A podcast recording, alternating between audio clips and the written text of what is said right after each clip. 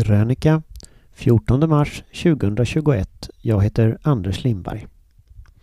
Nyamko Sabuni köper inte grisen i säcken. SD vill ha ett svenskt och illiberalt Sverige. En lördag i maj 2002 satt Lars Leijonborg i dansk tv och rev sönder ett papper. Det var en annons från Dansk Folkeparti och mitt emot honom i studion log partiledaren Pia Kjaersgaard ett snett leende. Jag är här för att försvara mina liberala värderingar där den öppna debatten måste försvaras och segregationen motarbetas, sa Lars Leijonborg. Det gick inte särskilt bra. Leijonborg ville att Pia Kjaersgaard skulle ta avstånd från sin annons där det framställs som en förbrytelse att bära slöja. Hon tyckte han var en pompös fjant. Recensionerna efteråt blev lätt förvirrade. Åtar man sig att debattera mot en kärsgård så är det ens förbannade skyldighet att vinna, skrev Jan Guillou i Aftonbladet. Men Lars Leijonborg är som alla vet en sällsynt usel debattör. Andra såg historien upprepa sig. Som då Bengt Westerberg reste sig ur SVTs soffa på valnatten 1991 när Ny Demokrati-duon Ian Wachtmeister och Bert Karlsson skulle sätta sig. Liberalerna har hållit rågången mot högerradikala partier i över hundra år fram till och med januariavtalet som ställer SD utan makt idag. Mer än någon annan rörelse har Liberalerna varit den liberala demokratins bastion i Sverige. Självbilden är av en storslagen historisk mission. Gör inga dumheter medan jag är död, kallade tidigare partiledaren Per Ahlmark sina memoarer.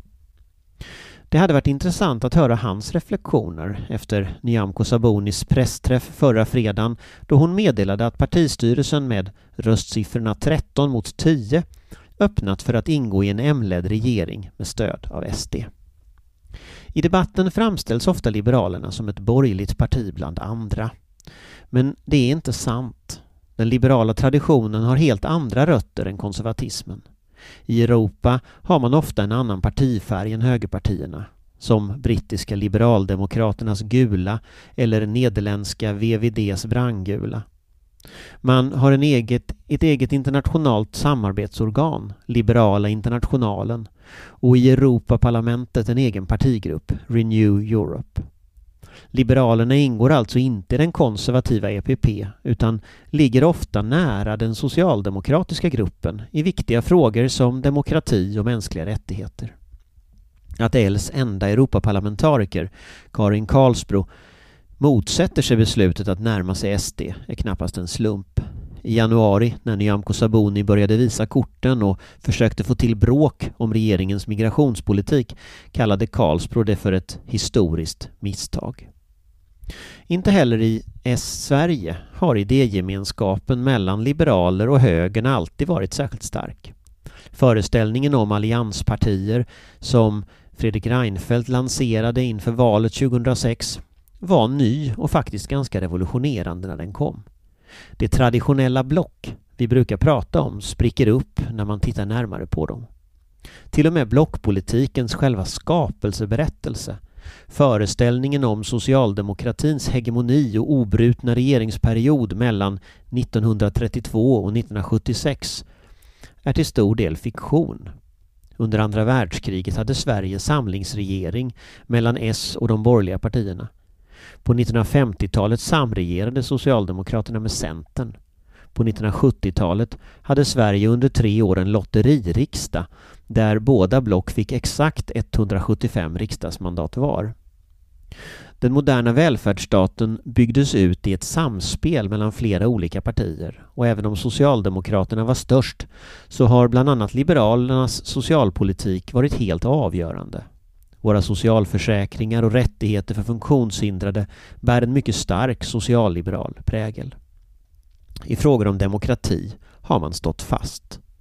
Det märks inte minst i den stenhårda kritiken i Europaparlamentet mot Moderaternas tidigare samarbete med ungerska regeringspartiet Fidesz och Viktor Orbán. Liberalerna har stått i främsta ledet mot Sverigedemokraterna. Tills nu. Så vad är det då Nyamko Sabuni får på köpet när hon kastar partiets tradition under bussen? Hon får makt, kanske. Hon kommer att få slåss med M, SD och KD om de röster som ogillar invandring och vill se mer auktoritär politik. Det betyder att hon även kommer att behöva anpassa sin retorik och politik efter dessa väljare. Precis som Moderaterna och Kristdemokraterna de senaste åren har anpassat sin. Hon får även Richard Jomshof, SDs partisekreterare. Citat, jag lider med alla människor som tvingas födas i de här länderna under islam som enligt mig är en avskyvärd ideologi och religion, sa han i SVTs Sverige möts i veckan. Ulf Kristersson uttryckte avsky och förvåning. Spelad, självklart. Jomshof och SD har alltid tyckt och sagt så. Liksom SD alltid har tyckt att invandrare är en kulturell belastning. Låt oss inte hymla om det. SDs samhällsvision är ett svenskt, kulturellt homogent och illiberalt Sverige. Resten är fernissa.